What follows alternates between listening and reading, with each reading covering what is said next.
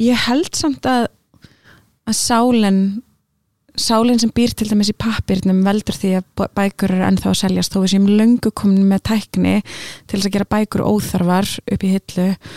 Uh, við gætum öll verið með þetta í lesbretti en við viljum koma við pappirinn það er það er nöytt í þessu áþreifanlega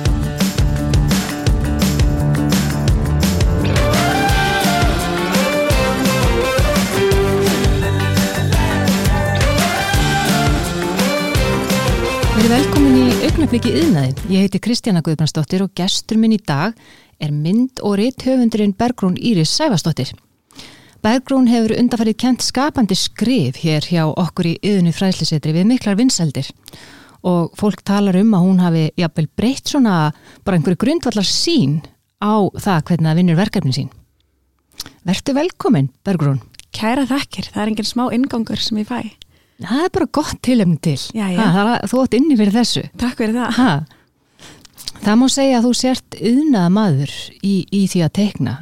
Er það ekki rétt hjá mér? Jú, ég sko e, tengdi rosa lítið við þetta orðið listamæður hérna áður fyrir og vildi bara vera yðnað maður, ég vildi bara vera svona ari, þú veist eins og maður er pípari eða bakari, þá vildi ég bara vera teiknari. Og það var í raun og veru ekkert nám í bóði hérna í listaháskólinum en svo kom myndlistaskólinn í Reykjavík sterkur einn með nýtt svona nám fyrir nokkrum árum sem var teikning á diplomastíi og þar sá ég fyrir mér að ég gæti orðið teiknari. Svo hef ég samþygt listamanns orðið svona í, í sætni tíð mm -hmm. og gengist við því. En ég, ég elska að teikna sem, sem þetta er yðnin mín, þetta er það sem ég gerir með höndunum og hjartanu og, og, og sálinu og allt það. En fyrst og fremst höndunum. Mm -hmm. Já, mér fannst mjög skemmtilegt hvernig þú uh, lýsir þessu. Um, ég hafði svo satt samband við þig uh, á síðast árið síðla minni mig og baði þig um að kenna fyrir mig skapandi skrif. Og þá var ég svolítið svona upptökin að því að, að svona, já, hvað ég segja, fjóruða yðnbildingin, hún gerir alltaf aðra kröfur til okkar. Og við verðum að vera meira skapandi í öllu sem við, við gerum. Og hvers vegna Hvers vegna er til dæmis mikilvægt að ebla getur sína í að skrifa og setja fram texta og hvers vegna er fórsketið skapandi mikilvægt? Hvað finnst þér um þetta? Ég held jafnvel að við séum frekar að snúa aftur til meiri skapandi, okkar skapandi eðlis sem við erum kannski búin að gleima svolítið og setna hluta síðustu aldar og eftir því sem að tekninu fleiti fram þá verður allt einhvern veginn svo strömlinulagað og við eigum það til að bara kæfa þennan hlut af okkur. Barnið í okkur, barnið í okkur er listamæður og það er skapandi og það er sífælt að skapa. Og þegar ég fer að tala um skapandi skrefi fólk þá, þá man það kannski ekki allveg fyrir að byrja að rifja það upp að við höfum öll setið á gólfinu með, með dúkkur og dót og sagt sögur. Og við erum í raun og verið alltaf að segja sögur. Þannig að snýst frekar að myndum að tendra þennan gamla eld, veist, finna þetta aftur inn í okkur um, skapandi hliðin á störfum er náttúrulega bara það sem að veldur því að við kulnum ekki starfi. Mér finnst þetta svolítið geðhilbreyðismál. Mér finnst þetta skipta svo miklu máli til þess að þú endist í starfi að þú finnir alltaf nýja fleti og haldi gleðinni og gleðin býr í sköpuninni. Ef við erum að vinna sömu verkefninu alltaf eftir sömu formúlinni dag eftir dag eftir dag eftir dag þá er mjög auðvelt að lenda vekk Um, svo er þetta náttúrulega tvíð það, þetta er annars vegar það fyrir starfsmannin sjálfan en fyrir neytundur tekstans eða þá sem að taka við efninu til þess að þetta skerir sig úr við erum náttúrulega að drukna í upplýsingum allan daginn og til þess að þetta skerir sig úr uh, og, og grípi aðteglina þá þarf, þá þarf að vera þessi skapandi hlið á því En, en þú, varst þú alltaf vissum hvað þú vildir verða? Er þetta bara svona bein lína, Bergun Íris? Teiknari ég, nei, og höfundur? Nei, ég veit ekki enn hvað ég vil verða. Um, ég spyr lítil börn aldrei að því hvað ég vilja verða heldur við hvað ég vilja starfa af því við erum svo margt. Ég er miklu meira heldur en starfið mitt og ég vil líka hafa plást til þess að geta breyst. Ef mér langar í eitthvað alltaf, ef, ef mér langar að vera þordlega fræðingur á næsta ári þá vil ég ekki vera búin að skilgrana mig svo stíft sem teiknara og reytöfund að ég hafi ekki plást til þess að þróast og breytast. Alveg og bræðlaugan þeir okkar breytast og frumund er alltaf að endur nýja sig þá getur við líka endur nýjað okkur. Um, ég hef hins vegar alltaf haft óbúslega ást á sögum hvort sem það er í, í skrifuðu eða teiknuðu formi. Og ég held að ef maður fær tækifæri til að starfa við það sem að svona heillar mann það mikið það sem drýfur mann áfram þá er það fylg forréttindi og, og ég vil fara vel með þau forréttindi. Mér finnst þetta svo áhugavert því að svona í íslenskum yðnaði þá hættir fólki til að setja sig í síló með sínu fægi þannig að, að mér finnst þetta bara svo áreðandi skilabóða við þurfum svolítið að gæta að því að, að vika störfin okkar út og Já, ekki setja okkur í þannig boks að við getum ekki vaksið. Þú veist, við veitum, ef við einmyndum okkur bara sem planta og við séum bara algjörlega búin að tróða okkur onni minnsta mögulega pott, að það verður, þá er ekki næ, næ, næringar ekki mold. Þannig að alltaf að umbota reglulega og sjá hvert maður vex. Svo finnst mér líka mjög aðdeglisvert hvað þú hefur verið yfinn og, og ég er að horfa til bóka útgáfunar og uh, þú ert búin að gefa út fjölmörg verk og, og vinna til verðluna mér finnst bókabransin á Íslandi verið að breytast. Hva, hvað finnst þér og, og hvernig koma barnabækurnar inn í, inn í þetta mengi? Það er klár uh, svona vöxtur í barnabókum og hefur verið síðustu kannski tíu ár. Við erum að sjá barnabækur mjög meðvitað taka á samtímanum og verið að skrifa þér barnana vegna en ekki, ekki eitthvað svona endilega höfundur í nostalgíukasti að skrifa um sveitina sín í gamla dag þannig að ég fagna því rosalega líka bara sem fóreldri, tvekja barna sem að vilja hafa nóg að lesa að, að það sé fjölbreytileiki og að við séum að fá nóga bókum. Það tengist ímsu, það getur á aftur áhrif uh, hvernig bóka, bókaútgáfur fór núna endurgreitan verðursöka skattinn og það verið ebla bókaútgáfu. Við vundum vilja sjá listamannalaunasjóðana vaksa meira til þess að efla fleiri nýja höfunda. En bókasapsjóður hefur líka verið styrtur það hjálpar helling, það er helling sem er svona að vinnur með okkur. Já, um, af því að sko það er svo oft og hefur loðað við eh, bókabransa svo lengi að bóka útgáfa, veist, hún er að deyja og tæknin kemur í staðin fyrir allt saman og, og, en svo sama tíma erum við að horfa á grjótarðar tölfræðilega staðrindir að það hafa aldrei verið fleiri bækur gefnir út. Og fólk hallar sér að bókum þegar það er erfitt, veist, á COVID árinu mikla hann á 2020 þá sáum við mjög skýrt bara að fólk sótti í bækur sem reynlega skjól og smá, jáfnvel flótta, veist, þetta er leið til þess að gleima ávægjum sínum og hverfin í annan heim.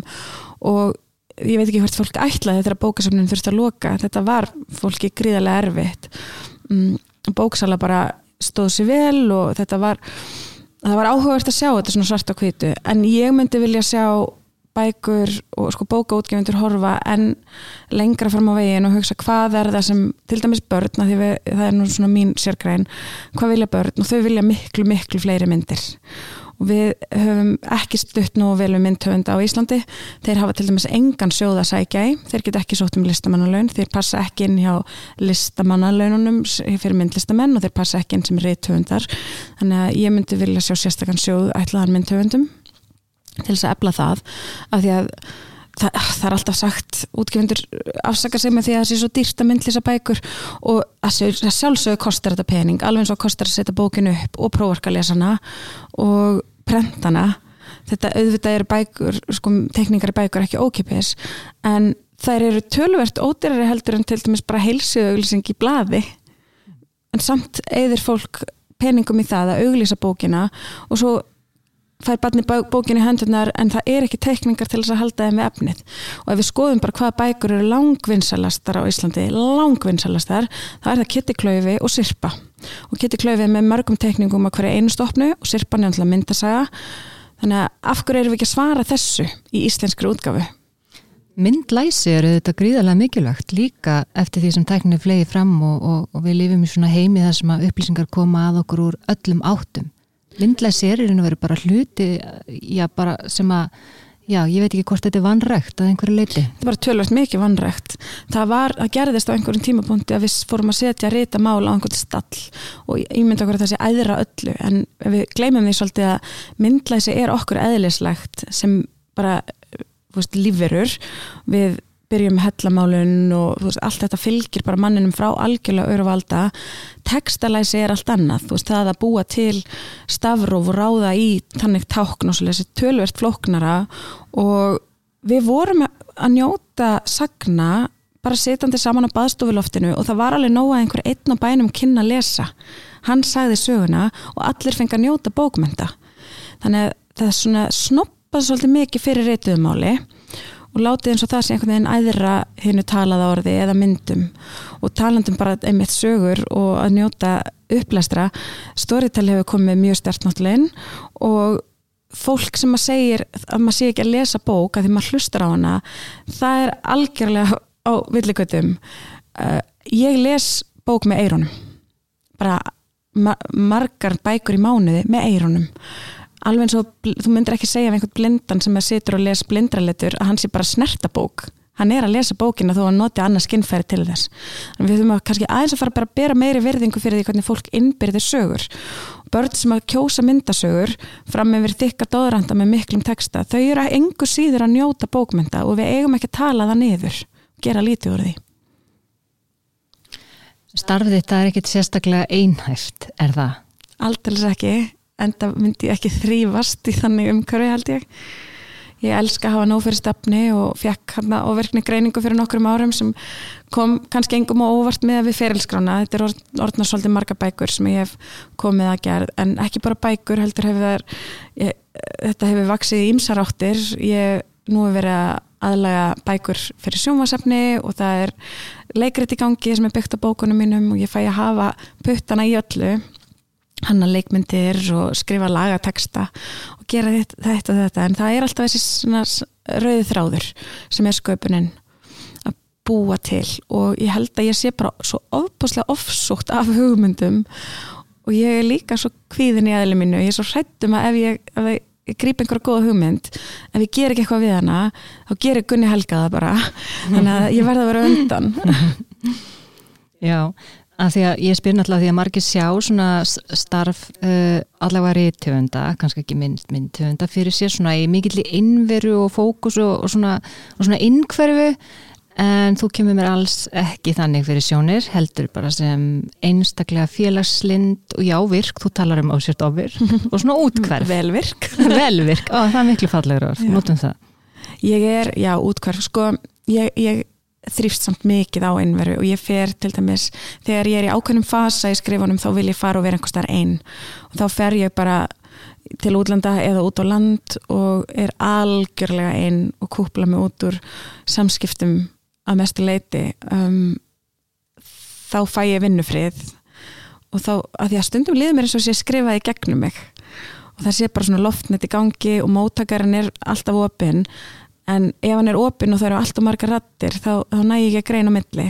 Þannig ég þarf pínulítið að einangra mig og mér líður mjög vel að vera einn en mjög margir höfundar þurfa náttúrulega að viða að sér efni við. Þannig að þó þeir siti löngum stundum einirinn á reikfallinni skrifstof og skrifi þá skiptir jafn miklu máli að fara út á kaffihúsið og, og gangum götur og fá innblástur, bara bókstaflegan innblástur, vindi gegnum heilan bara. Og það er að loft út sko Það þarf loft út, það þarf að lifa þessu lífi. Já, vissulega. Og við þá sem eru með bók í maganum, góða hugmynd, hvernig er það nú að landa dílinum? Ég hef verið mikið spyrðað af þessu og margir sem halda þér þurfa að vera með algjörlega full mótað handrit, það er alls ekki þannig. Að þú veist svona um það byrju um hvað bókin er og ert byrju komin vel á veg og svona búin að finna röttina í bókinni þá myndi ég bara heiklust hafa samband. Sko, ekki við hvaða forlag sem er það þýðir ekki bara að kasta þessu á alla útgefundur, alveg svo ef þú ert á lausu þá ferð ekki bara og reynir við alla. Þú hlýtur að vita svona sirka með í hverjum þú ert skotin. Þetta er ekkert ósvipað. Og ef að fólk veit ekki alveg í hverjum það skotin þá er bara að fara á bókasafn, skoða hvaða bækur heitla þig, af hverju, hvað er það við þessa bók og kíkja svo aftan á hana. Já, er þessi útgefandi? Og þegar þú ert búin að rekast á kannski tíu vandaðar flottar bækur, allt frá sama útgefandanum þá er það mögulega einhver þar sem að þú gætir ímyndaðir sjálfan þig eiga vel heima. Og þetta er bara spurning um svona hamingisam tjónuband það þarf smót flört, það þarf aðeins að dæra við hann og, og þetta er tölvupóstur eða símtall um, sínur svona af texta. Segðu útgefandunum af hverju hans útgáfa heitlaði þig. Staðraði svolítið við hann og ef það er samhlumur ef handritið þá vel heima þar þá væntanlega kallar hann eftir meira efni frá þér og svo fer einhvers konar rittstjórnarferðli í gang. Um, ef það er ekki ekki taka neginu sem einhverju hræðilu. Það þýðir bara að þessi útgefandi kannski er akkurat með of mörg svona sambarileg handrit. Það er ekki það á útgáðulestanum þetta árið og það hefur ekkert með gæði þíns efni að gera. Þannig að þá, þá er það bara plan B næsti útgefandi þánga til þú finnur þennan samljóm, þánga til þú sest niður horfir í augun á, á þeim sem að veist, það er sameinlega hrifning. Það verður að vera sameinlega hrifning. Það er ekki nóg að hann sé ógeðslega spenntur fyrir þér en þú til svona eitthvað að ah, mér líður pínu óþægilega, hérna, ég er ekki alveg sammála þessu hérna, eða, uh, eða öfugt að þú sést alveg að kapna úr grættu í einhvern útgjöfanda en hann er bara ekki að tengja við þig. Þetta er þánga til þú finnur þitt heimili og þetta verður eins og heimili. Þegar þú ert hjá réttum útgefenda þá er þetta bara fjölskyldan þín.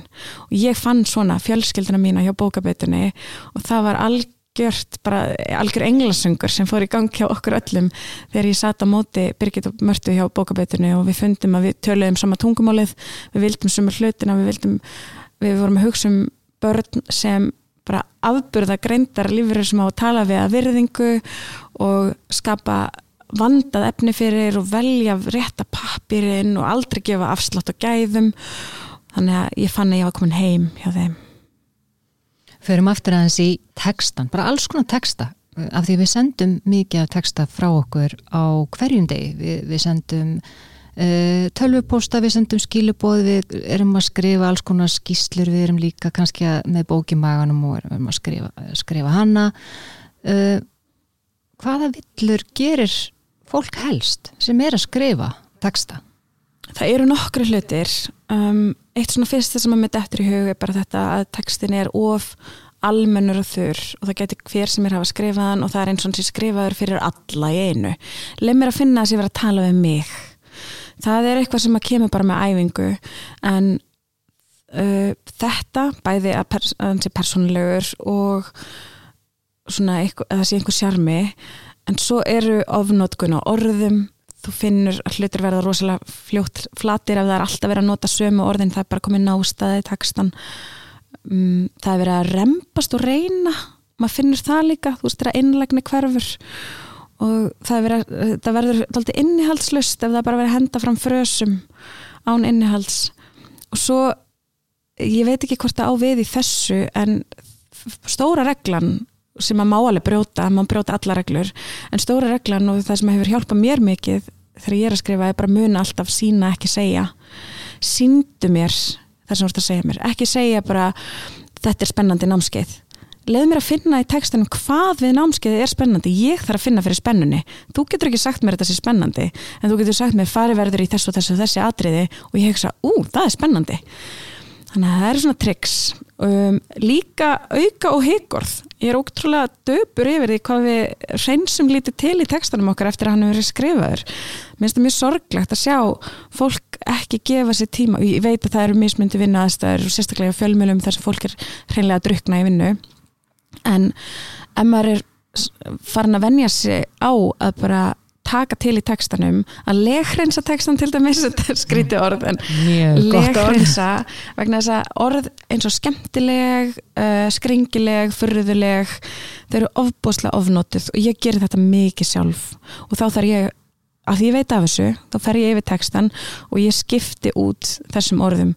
Um, fyrðuleg getur orðið skrítin þá er ég búin að taka út eitt leg og svo legrinsa ég bara allan textan þángar til hann er farin að hljóma vel og það þarf ekki að taka út hvert einasta svona orð. En þetta verður mjög þreytt að þetta náttúrulega rýmar líka þannig að þú ferð að lesa textan öðruvísi og þetta virkar eins og sama orðið aftur og aftur. Og það er hægt margar leiðir til að segja einhversi leiðilegur án þess að segja hansi leiðilegur. Og maður verður bara að gefa sér tíma í að finna út úr því hvaða orð gæti komið í staðin Hættu nú ánátt orðið gríðarlega gríðarlega, ég dutta mér það er ekki svolítið mikið. Jú, það, er, það eru tísku orð sem að, maður getur líka gætt sín á. Stundum virka þau, stundum getur verið að grípa aðtekla einhvers á tímalíninu á Facebook með því að nota eitthvað tísku orð og upprópunir og sliðis um, en þú veist þá allavega að það er eitthvað texti sem hún vilt að lifi bara daginn. Þú ert ekki að sponsera það út mánuðin af því að það verður bara þreytt. Um, einnig langar mér bara hvetja fólk til þess að hugsa myndrana framsetningu í tengslum við texta af því að hvernig myndu velur með textanum getur haft úrslita áhrifum um hvort fólk lesa hann eða ekki. Fólk elskar líka orð aðeins svo mikið bara stitta, stittu tekstan alveg skerði neyrum helming allavega. Mm. Ég veit að með þessum orðum ert að gleðja alla grafíska miðlara sem eru að hlusta núna. Mm. Við þurfum, þurfum sjónræna framsendingu við þurfum færri orð nýttnari, hugsaðu bara eins og auðlisinga hérna, starfsmæður stundum er gaman að stuðla stundum getur við verið að ofstuðla þetta er, þetta er allt spurningum bara þarfagreiningu þú þarfst svolítið að átta þig á því við hvernig þú ert að tala. En ég spyr líka alltaf fólk sem er að skrifa texta fyrir hvernig ert að skrifa? Og ef ég er að tala við fjölmjölumann til dæmis fyrir hvernig ert að skrifa? Og heiðarlegustu segja hérna að yfirmanni minn. Og sumir segja auglisendur að því að þeir vita yfirmaðurinn á yfirmann að fyrirtæki gengur ekki öðruvísin að auglisendur séu til text og svo eru hérna sem að halda þér segja, segja rétt og segja lesandan en þú ert að skrifa ef þú ert að, að gera þetta ef þú ert að hugsa um þína ánægi starfi þá ætti að skrifa fyrir sjálfan þig. Þú ert líka hluti af menginu lesendur og, þú þarfst að hafa áhuga á því svona að lesa. Ef þú ert að skrifa eitthvað sem að þér finnst ekki gaman að lesa þá getur lofað þér því að engum öðrum mun finnast skemmtilegt að lesa þannig að skrifaði fyrst og fremst fyrir sjálfan þig. Ef það er gleði í textanum þá skilar það sér til lesenda, yfirmanna og auglýsenda.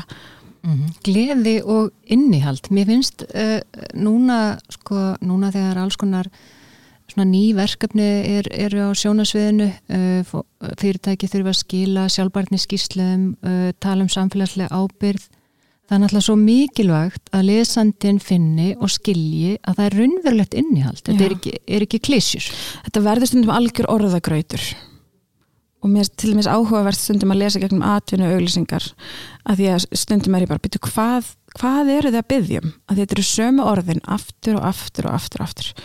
Þannig að ef þú vilt skera þig úr um, fyndu bara hver er röttin hver er að tala, þú sért með 50 manna starfstæð og kannski 20 af þessum 50 vinna koma að, að einhverja leiti að því að skrifa textan þá þarf þetta að hafa sömu rött fyrirtæki þarf að hafa ákveðna rött og þá er bara fréttablaði og morgunblaði er með algjörlega sikkura röttina og hún þarf að vera vel mótuð. Og svo má tegja á henni og pota henni síðana og, og leika sér með hana en að við hugsaum bara eitthvað svona einmitt að innihald komist til skila sagt með einni og sömu röttinni mm -hmm. Nú er komin ótalmörg forrið sem styðja við teiknara. Hvaða forrið notar þú helst? Sko ég hef verið að vinna mikið í Procreate áður en að ég var skipti alveg yfir í iPadin og Procreate þá var ég alltaf að vinna í Photoshop og Illustrator stundum um, ég hef hins vegar ég, ég elska það að geta verið svona færanleg og erum ekki með stóra þunga tekniborðið tengt í tölvuna, tengt að í ramagn þannig að iPadin fylgir mig hvert sem ég fer og ég get unnið á ferðinni og ég get unnið bara upp í sofa eða hver, hver sem ég er hverja stund. Þannig að Procreate er mjög skemmtilegt forrið ég hef hins vegar vilja ég þarf að kynna mig betur önnur forrið og með, ég komi núna á námskeið hjá yðinni í InDesign að því að það er ekki bara það að ég vilja endilega fara að setja upp eigin bækur ég þarf sem teiknari bara að hafa meiri skilning á uppsetningu til þess að skila frá mér enn betra efni í hendunar á, á grafiskum hönnum Ég veit nákvæmlega hvað þú ert að tala um. Maður þarf ekki að mastera öll forritin en það er gott að ef maður getur hugsað um þetta bara eins og heimsóknin og heimili maður þarf að þekka inn við hana bara hvað er þetta Herbyrgi? Algjörlega, bara vita hver salarni -hmm. er svo kúkir ekki á gulvið svo grafiski hönnurinn fá ekki efni í hendunar og bara, oh, bergrón, í alvöru. Þá er gott að ég hafa grunnþekking á forritinu. Já, Já akkurat. Uh, en svo er þannig fjórðauðbildingin sem er að breyta allir, og, og, er búin að breyta og hefur bara gríðarlega nei, sagði ég ekki orðið? Gríðarlega, hér eru þetta bergrún? Hefur bara mjög mikil áhrif á störfu allra og ég ætla að segja að sögu. Nýlega vann listverk sem var unnið með gerfugreinda forriti hilli domnendar í einhverju svona listverkakeppni í bandaríkjónum og auðvitað listamenn svolítið sárir þegar þau lagt miklu hugsun og strita við verkin sín en svo og svo vann gerfigreindarforritið það er svo creepy, ég, ég næ ekki auðvitað með þetta. En þarna myndi ég fyrst og fremst vilja sjá listan yfir domnemndræðila hver var í þessari domnemnd og hvaða -hmm. bakgrunn hefur hann? Minnst rosa líklegt að það sé kannski einhver sem er með einhver peningavöld eða öðruvís, hugsa með hinu heila kvelinu mm -hmm. mér finnst eins og listamenn myndu sjá í gegnum svona en kannski er mér ánt fyrir mér, kannski er þetta orðið það þróað og, og vandað, ég veit það ekki. Og svo er það Dolly það er að forrið, sem að breytir orðum í myndir. Það er mjög áhugavert. Hvernig endar þetta? Ég myndi vilja sjá einmitt æfisuguna mína í mynd. um, ég líka hugsa allt í myndum en ekki orðum, það er rosa misjamt milli fólk sem er hugsa or, í orðum og aðrir í myndum hvað er endar þetta? Uh, ég held þetta endi bara hverki en þú veist, Mhm. við erum alltaf náttúrulega að vinna okkur hringi og maður finnur, ég hef sjálf rosa gott af því að leggja frá mér iPadin og varslita og vinna með svona analog tekni Mhm. það er rosa gott reglulega og ég vona að, að við aftengjumst ekki algjörlega náttúrunni og eðlinu og okkur sjálfum og, og breytumst allir í, í einhverja algoritmandi elskandi robota en Hver elskar algaróðmann spyr ég nú já, bara. nákvæmlega, ég veit það ekki en af einhverjum ástæðum er þetta alltaf saman að taka yfir. Um, ég held samt að að sálin sálinn sem býr til dæmis í pappirnum veldur því að bæ- bækur eru ennþá að seljast þó við séum löngu komin með tækni til þess að gera bækur óþarfar upp í hillu uh, við gætum öll verið með þetta í lesbretti en við viljum koma við pappirinn það er það er nöytt í þessu áþreifanlega eins og vasslitum og höggmyndalist og því sem þú getur svona Snert. snert. við þurfum svo mikið að geta snert Mhm. Og við getum ekki snert skjáin þannig að eh, ég er svo forvitið með þetta listaverk. Hvernig var dómnefndin að taka þetta inn og var þetta prentað? Veist, og á Mhm. það ákvað og ég veit það ekki. Ég, ég þarf að skoða þetta mál betur. Mér finnst þetta Mhm. mjög áhugavert. Um, ég hef tekið eftir líka sjálfa því að ég á það til að kveikja á Spotify og ég hlusta mjög mikið á klassiska tónlist þegar ég er að vinna. Og þá klassiska tónlist og, og hérna eftir bara stemmingunni sem ég er að reyna að kalla fram í textarum og stundum ef ég set ekki á ákveðin listamann, ákveðin tónskáld þá enda ég inn á einhverju svona algoritma bulli hjá Spotify og einhvern tímann sá ég bara nafna á einhverju íslenskri konu, ég er að hlusta á eitthvað lag og ég sé nafna á íslenskri konu og þetta hét eitthvað vatnajökull eða eitthvað. Og ég eitthvað, hm, ok googla hana, hún er ekki til fyrir hana Íslendingabók, þetta nafna síðast til 1700 og eitthvað þá er þetta Spotify með gerfigreind að semja tónlist sem þeir skella svo bara einhverjum svona íslenskum landslagsheitum á lögin og er að mjólka náttúrulega ógislega mikið, þeir að græða ógislega mikið á þessu. Spáið í þetta? Þetta er óhugnulegt ég er ekki tónlistamæður ég hugsaði bara, hm, fínt lag. Skilju, að ég er ekki læs á hvað er raunveruleg sáli og hvað ekki. Um, ég vona við höldum svolítið í Sálina. sálina að ég er svo læs á þetta með myndir. Ég get alveg fengið græna bólur af fjölda framleitu stöffi þar sem er augljóslega bara einhver kínversk teiknarverksmiða og það er ekki sál í neinu af því sem ég verið að gera. Og ég er skítrætt við svona myndir vegna þess að þetta selst. Bækur sem eru sko út úr skreittar glimmeri og skærum litum og risastórum augum og þetta svona brattstæmi mér finnst þetta óhugnulegt en það hefur fullt af fólki hefur smekk fyrir þessu. Og það er bara því að ég er náttúrulega mentuð í myndlist og listfræði, með listfræði gráði frá hérna háskólanum og svona að ég sé í gegnum eitthvað sem að henni almenni neytandi sér kannski ekki. Og þá erum við að ef að því fleiri heimili sem svona bækur rata inn á því, fleiri, því meira erum við að útvatna í raun og veru myndlesi og smekk barnan okkar þannig að ég vil bara meira vandað efni inn í fleiri bókahillur á Íslandi og það er erfitt að kenna þessa hluti. Mm, það er erfitt að neyða smekk upp á einhvern. En þar kemur myndleysi stert inn í. Það Já. er bara þarf að efla Það þarf að myndleysi það. Þarf að auka stuðning við myndhöfunda. Já, við þurfum að Fleiri gera fleirum að starfa við þetta. Við þurfum sérstaklega til þess að börnin okkar séu læs á hvað er auglýsing og hvað ekki. Bara til þess að þau séu læs á samfélagsmiðl og allt þetta myndefni sem að er fyrir augunum á þeim hvað, hverju hefur verið breytt og hverju ekki, hverju á ég að trúa? Já, hvað er deepfake? Hvað er Hvað er raunverulegt? Við þurfum Þetta er bara ótrúlega að mikilvægt æfa augun og vera gaggrinin og efla gaggrina hugsun hjá börnunum okkar. Og má fólk hafa smekk fyrir öllu sem það vil ég er alls ekki að segja það. Það er bara sumum finnst ákveð, ákveðna tekningar bara fallegar og sjá ekkert aðtöfvert við þær. En við verðum að halda í ákveðna fagmennsku í greininni og Fagmennska í greininni uh, halda í sálina og fleiri myndir meiri og pening fyrir teiknara á Íslandi. Og meiri peninga, heyriði það. Þakka þér kærlega uh, fyrir spjallið Bergum Íris. Kæra þakki fyrir mig